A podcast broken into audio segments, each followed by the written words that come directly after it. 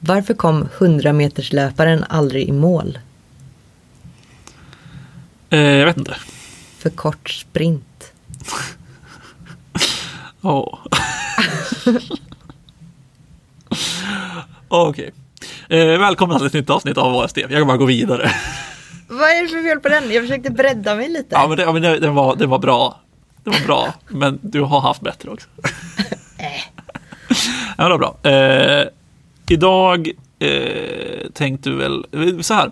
Jag gästade ett eh, kodsnack-avsnitt, alltså podden Kodsnack, eh, för ett tag sedan. Jag vet inte när det avsnittet kommer ut, så att, har det inte kommit ut när det här avsnittet kommer, ah, har det kommit ut så ligger det en länk i, i beskrivningen, men eh, annars så kommer det väl senare. Bra snack. Tack. Eh, där pratade vi lite grann om att, eh, eller frågeställningen var typ, är webbutveckling för komplicerat idag?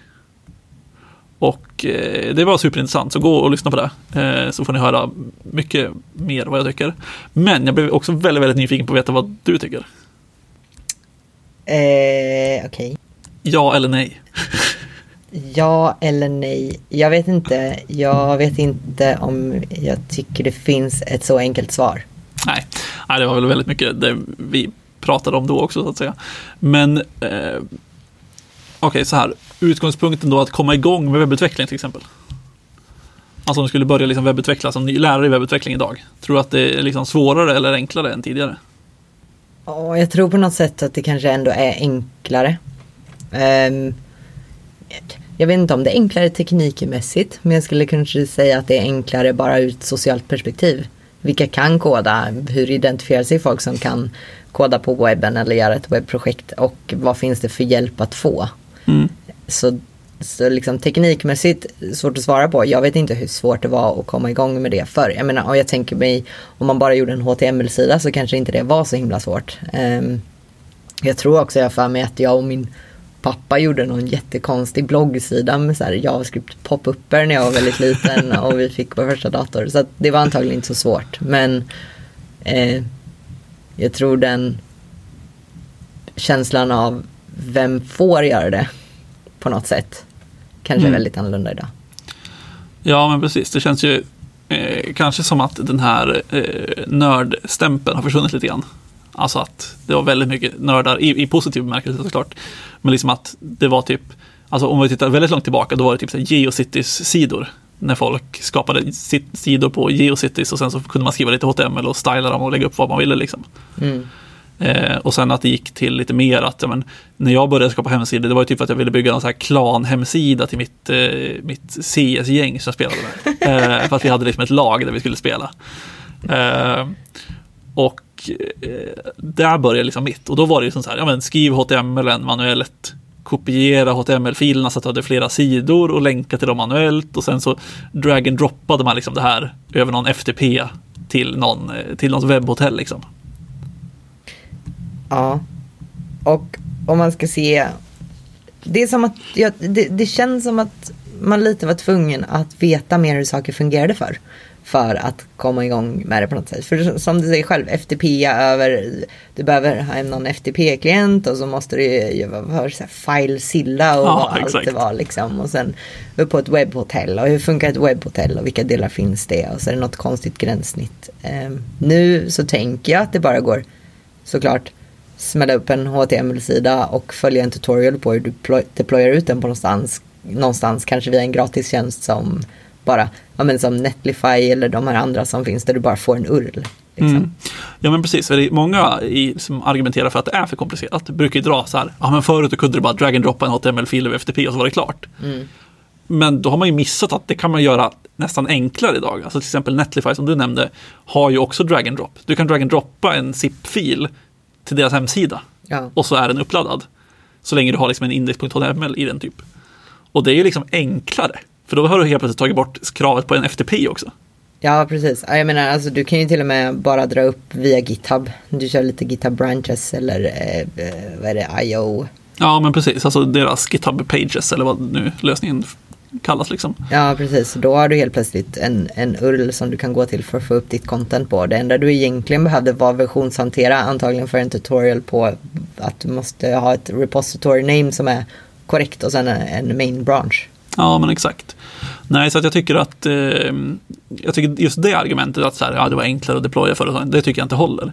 Men sen tror jag också att, jag tror att skillnaden som kanske många inte tänker på är ju att det vi bygger idag jämfört med förut är ju inte riktigt samma liksom, komplexitetsnivå. Nej. Alltså jämför liksom mina ja, men, laghemsidor för CS-lag till när man sitter idag och bygger liksom avancerade, ja men det här rita gissa-spelet, multiplayer-spel som jag har byggt liksom. Mm. Eh, I den, det perspektivet så hade det varit liksom, skulle jag rita, gjort det här rita gissa-spelet genom att manuellt klipp och klistra lite HTML-filer och liksom skrivit allting manuellt. Det hade ju varit en mardröm. Ja, och precis. Och det är väl det här som gör att det inte går att svara på. Är det för komplext eller inte? För just det som vi var inne på.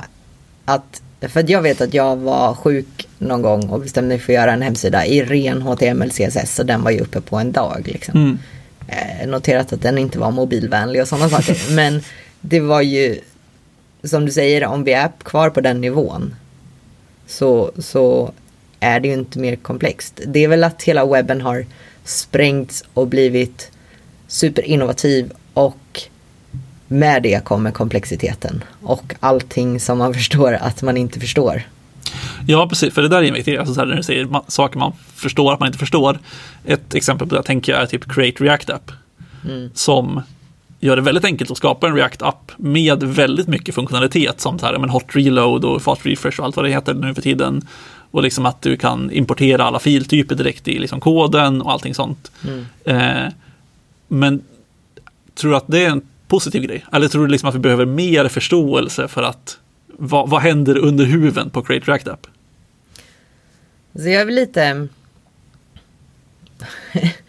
jag har verkligen varit en sån som tycker att vi måste förstå vad som händer. Om vi ska bygga någonting så måste vi förstå vad som händer. Sen har jag ju också eh, förstått att det inte riktigt funkar så längre. För att jag har ganska många som är så här, man gör bara en Create React App.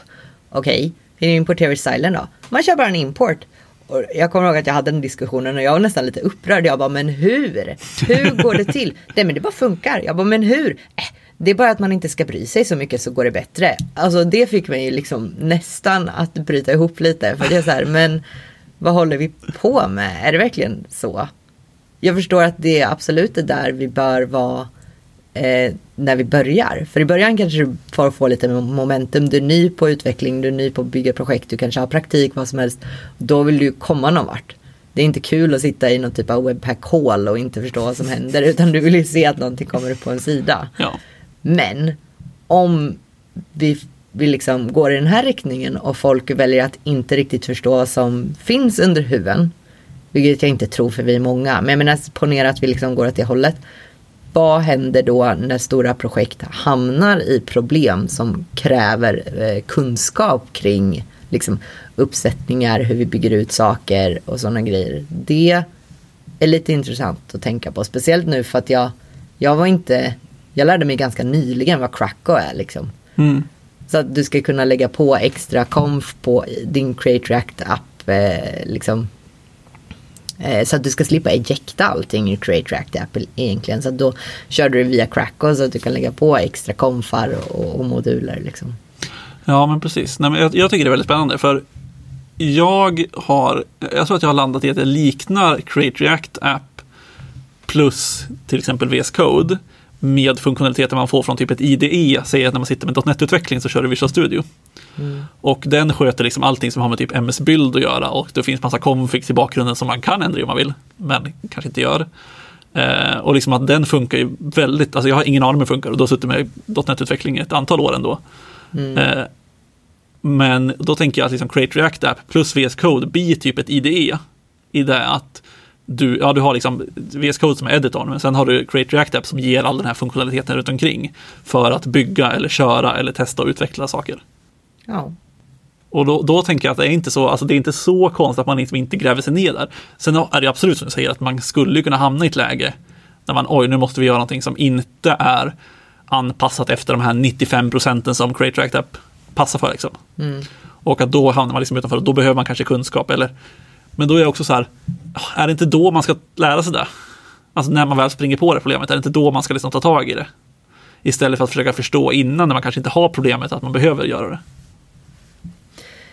Jo, Kanske. Men på något sätt blir det ju också.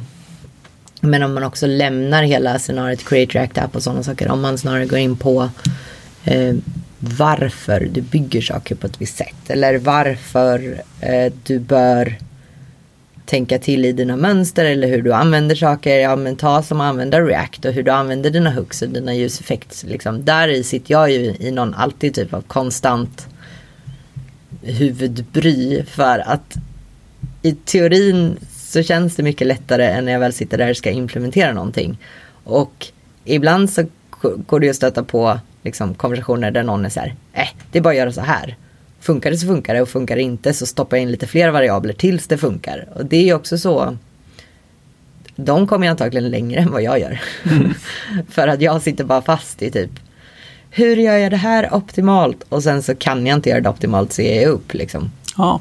Men jag tror, jag tror ändå, det beror för sig på vad man vill bli. Alltså jag, det är så mycket röra i mitt huvud nu. Men på, på ett sätt blir det som att man har de som verkligen vill vara innovera och ligga mm. i framkant och hela tiden pusha gränserna.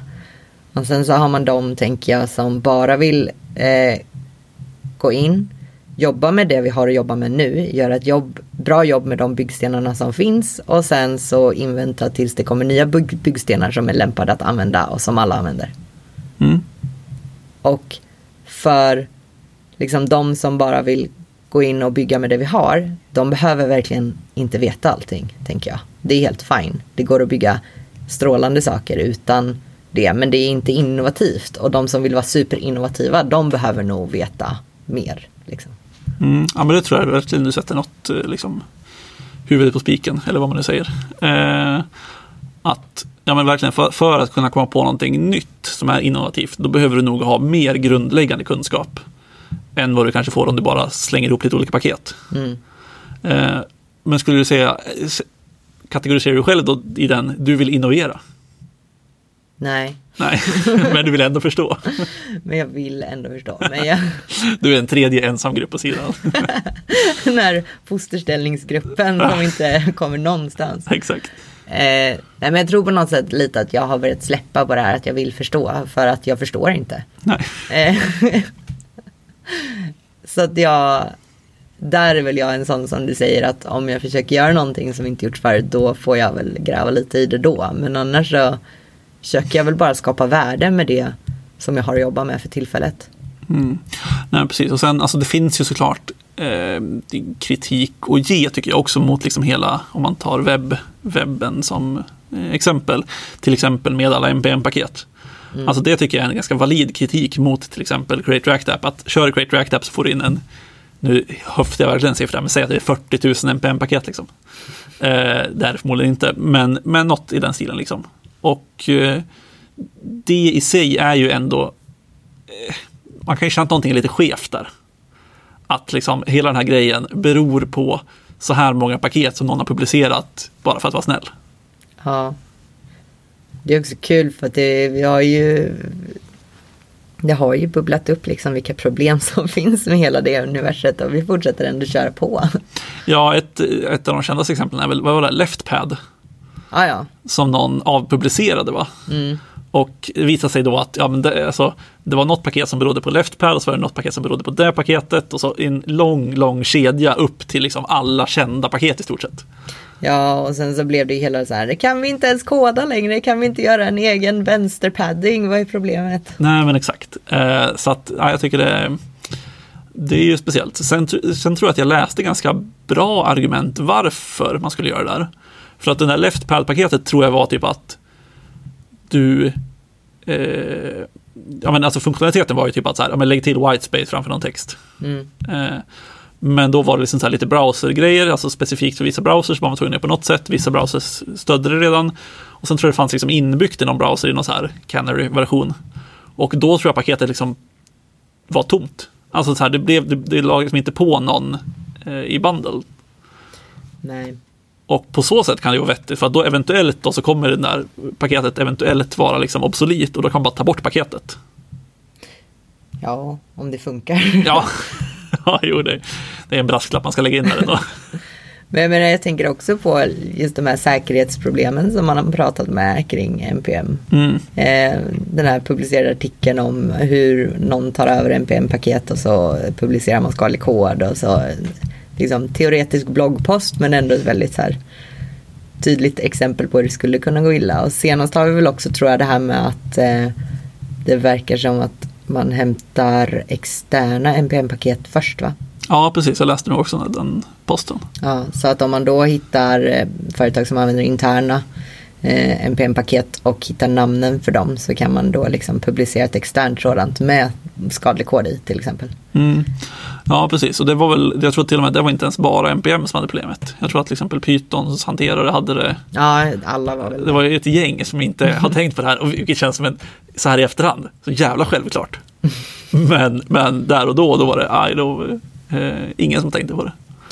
Nej, och det tycker jag ändå är lite intressant för på något sätt så känns ju allting helt plötsligt så fragilt. Mm. För att det är på något sätt som trafikregler. Mhm, Ja, exakt. Så länge vi alla följer reglerna och även de som är underförstådda att, att man gör så är allting fine. Men om någon kör mot rött då kan vi få jättemycket problem helt plötsligt.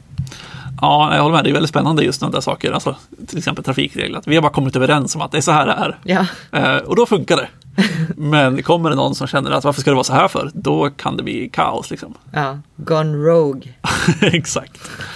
Ja, nej, så jag tycker det är väldigt spännande. Men som sagt, jag tycker ändå liksom att eh, gå tillbaka till det ursprungliga ämnet så tror jag ändå att för min del så tycker jag att webbutveckling går väldigt mycket åt rätt håll.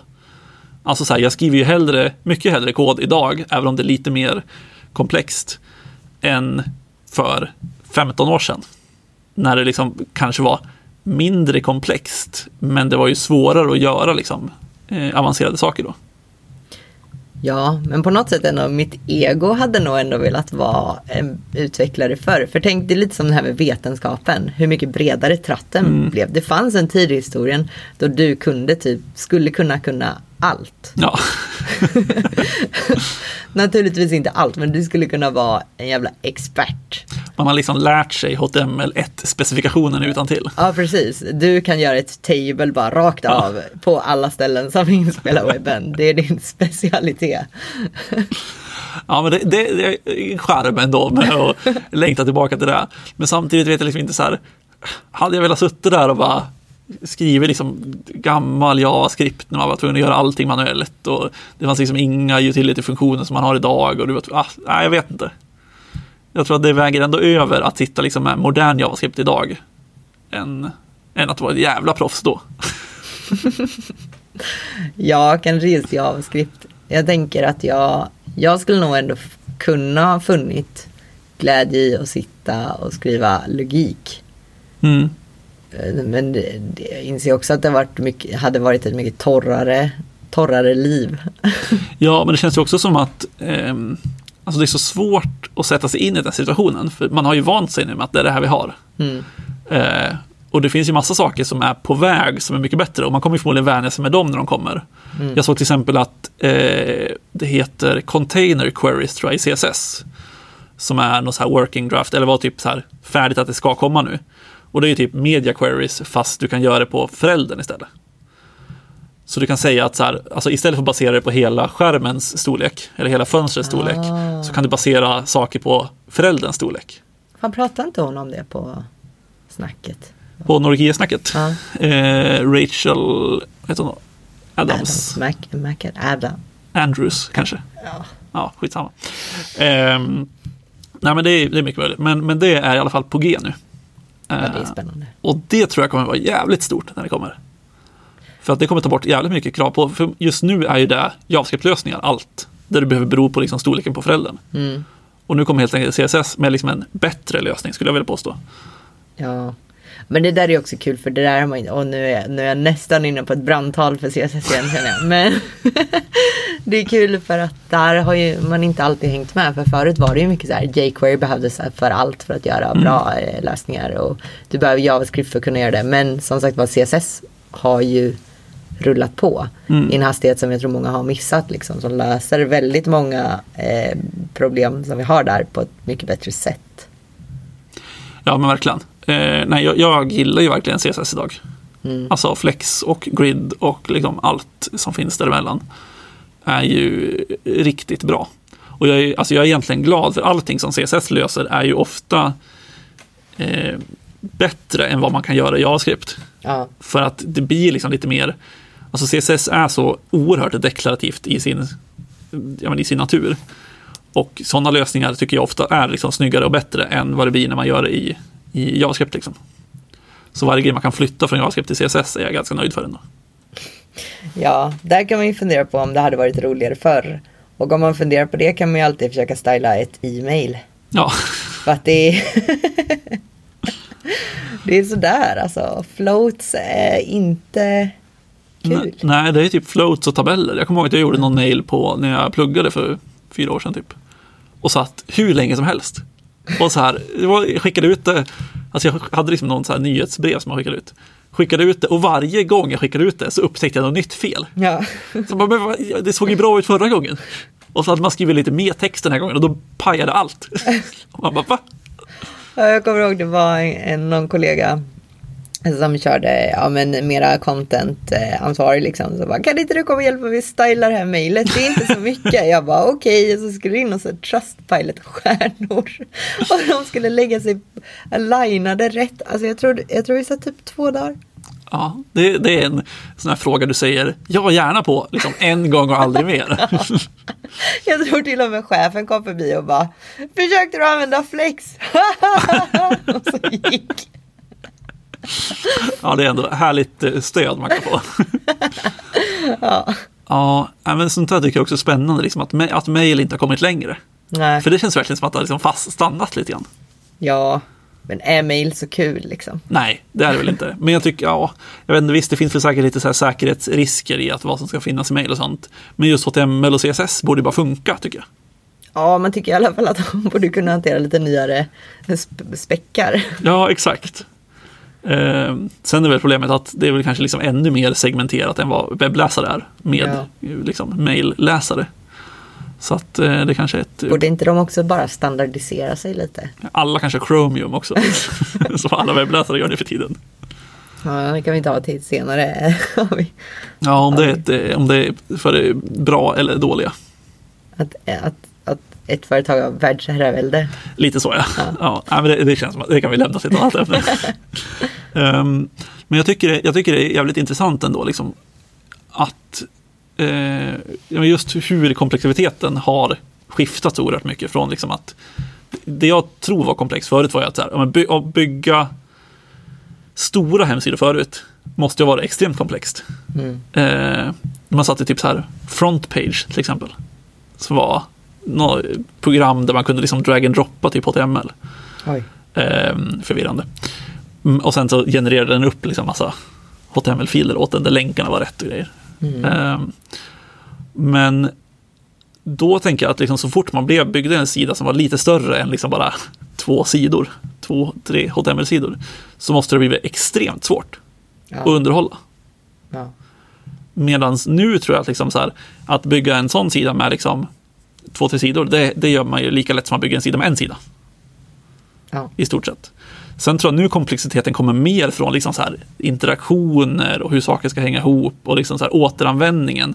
Liksom vi har ju skiftat liksom komplexiteten från att vara väldigt tidigt i liksom när, man, när, man, när sidorna växer till att kanske nu vara mycket senare i, i, i liksom stegen. Mm. Sen kanske visst att jag tror att ett argument som många drar är ju att behöver vi React för en, en sida som bara är en laddningssida? Nej. Och det svaret är väl oftast nej. Eh, helt enkelt. För att du krävs, du krävs ingen interaktivitet, det krävs ingenting sånt. Liksom. Utan det, det, då kan man liksom bygga en HTML-sida eller köra något annat som genererar upp liksom, den här HTML-sidan åt den. Ja. Ehm, men sen blir det, alltså för min del, jag har ju säkert byggt någon laddningssida i React. Och då är det ju för att det är liksom det jag kan. Så att säga. Alltså så här, det är en extra tröskel att kliva till något som svält eller liksom något i den stilen som kanske är lite mer, fok- alltså så här, mer vad man säga, anpassat för att bygga landningssidor. För där kan du skita liksom i all JavaScript och så får du bara HTML ut. Eh, Men liksom det är fortfarande en tröskel för mig att ja, men jag kan React, jag vet liksom hur man gör det, jag kan köra Create React App väldigt snabbt och så kan jag köra upp den sidan. Jämfört med att okej, okay, nu ska jag också lära mig svält och ta tag i det. Sen kanske man borde utvidga sitt, eh, sin kunskap så man har liksom de här olika verktygen i sin låda för att kunna göra de olika sidorna. Men... Ja, det kanske man borde. Men det är också väldigt lätt att bara, äh, React, det funkar. Ja, men det är, det är lite intressant för att jag har väl byggt några sidor i ren HTML liksom. Mm. Funkar ju svinbra. Tills Mm. det, det behövs lite JavaScript. Ja, För det här med Vanilla JavaScript alltså. Det är så jävla snackigt. ja, och då är det ändå tio gånger bättre än för 15 år sedan. Ja, men det är så jävla, alltså där kan man verkligen säga att den här deklarativa approachen är ganska skön. För att Vanilla det är verkligen så här, allt du vill göra, det måste du explicit göra. Ja, Eh, Och det är ju, hamnar man där i så börjar man helt plötsligt känna igen så här, ja just det.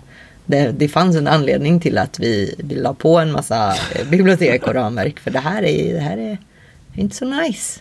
nej exakt. Nej, det är också en, en oerhört eh, intressant grej att den skiftet har skett från liksom imperativ programmering till deklarativ programmering så oerhört starkt. Mm. Det är väldigt få som hänger kvar och bara säger att men imperativ programmering är bättre.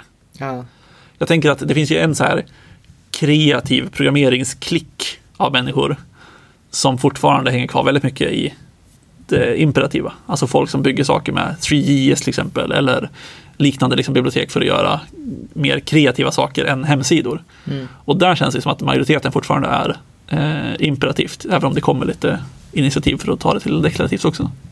Ja men det är ju kanske inte så konstigt för att jag menar alltså just främst den här superdeklarativa grejen det tänker jag är så mycket för att vi pratar ju väldigt mycket om hemsidor överlag nu men bara att vi börjar prata om en sån sak som vad bygger vi faktiskt för typ av system nu som Mm. webbtjänster för att jag menar för vi bygger, vi bygger nästan alla system nu så, som webbtjänster och JavaScript känns som. Inte alla system, jag förstår.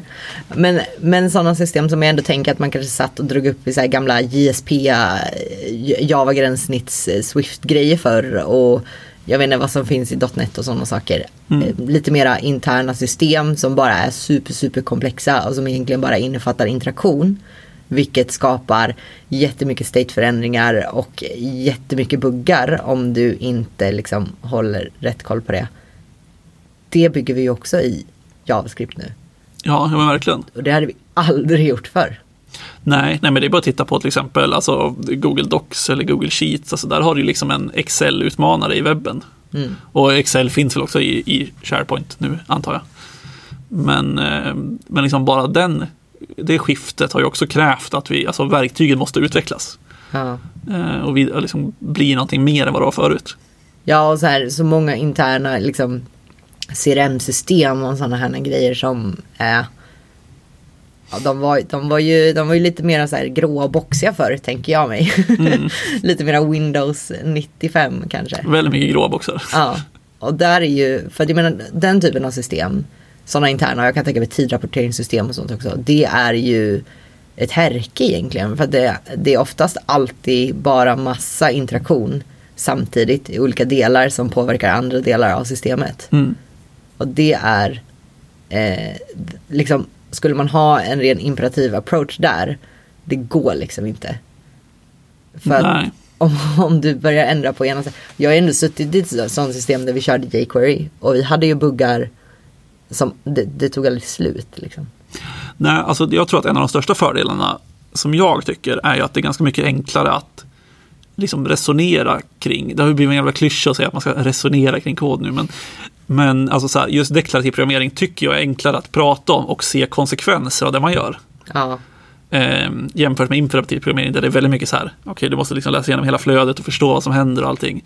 Medan deklarativ, då vet jag, okej ändrar den här komponenten då kommer den ändras på alla ställen där den används. Det är väldigt lätt att hitta alla ställen där den används. Det är liksom väldigt enkelt att hålla koll på state och allting sånt. Medan imperativ är det mycket svårare tycker jag att liksom hänga med på vad som händer så fort det blir lite komplexitet. ja. Ja herregud, alltså det går, det går ju verkligen inte. Det är, ja, pilla här borta så händer någonting där borta. Alltså jag är, lite skärrad. Du är traumatiserad. Ja men lite. Ja. Det kanske, kanske är bra, det kanske är det som krävs egentligen för alltså, alla som klagar på webben idag. De kanske ska liksom sätta sig och bygga ett projekt med jQuery, alltså no offense mot jQuery, men, men liksom bygg någonting med Vanilla JavaScript och försök göra liksom en komplex grej i det.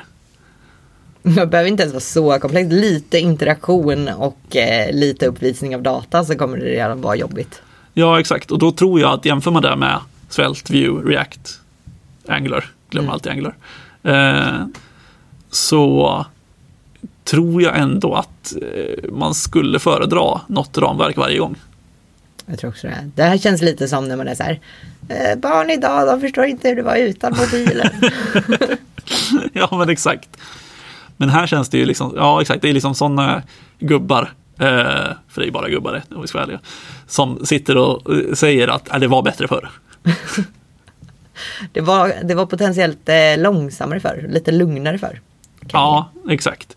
Sen, sen kan man ju tycka, jag såg någon artikel som eh, väldigt mycket klagade på det här med ramverk och vad man skulle lära sig och att det tempot i sig, alltså så här, att vi har liksom ett tempo i communityt som är du måste lära dig nya saker hela tiden. Mm. Eller det är liksom stämningen som är. Och den, kan jag, den kritiken kan jag verkligen hålla med om, för den eh, känner nog alla av. Ja. Men sen tror jag inte att den stämmer. Alltså jag tror att du kan vara en webbutvecklare idag och bara lära dig saker på jobbet utan problem. Ja, där har vi ju pratat om också just den här, eh, den här enorma massan som inte är på Twitter eller eh, skriver bloggposter och som bara går till jobbet och liksom chillar lite mer och gör sin grej. Alltså kanske de som inte innoverar i samma utsträckning utan lite mera bygger stabila saker. Liksom. Ja, exakt.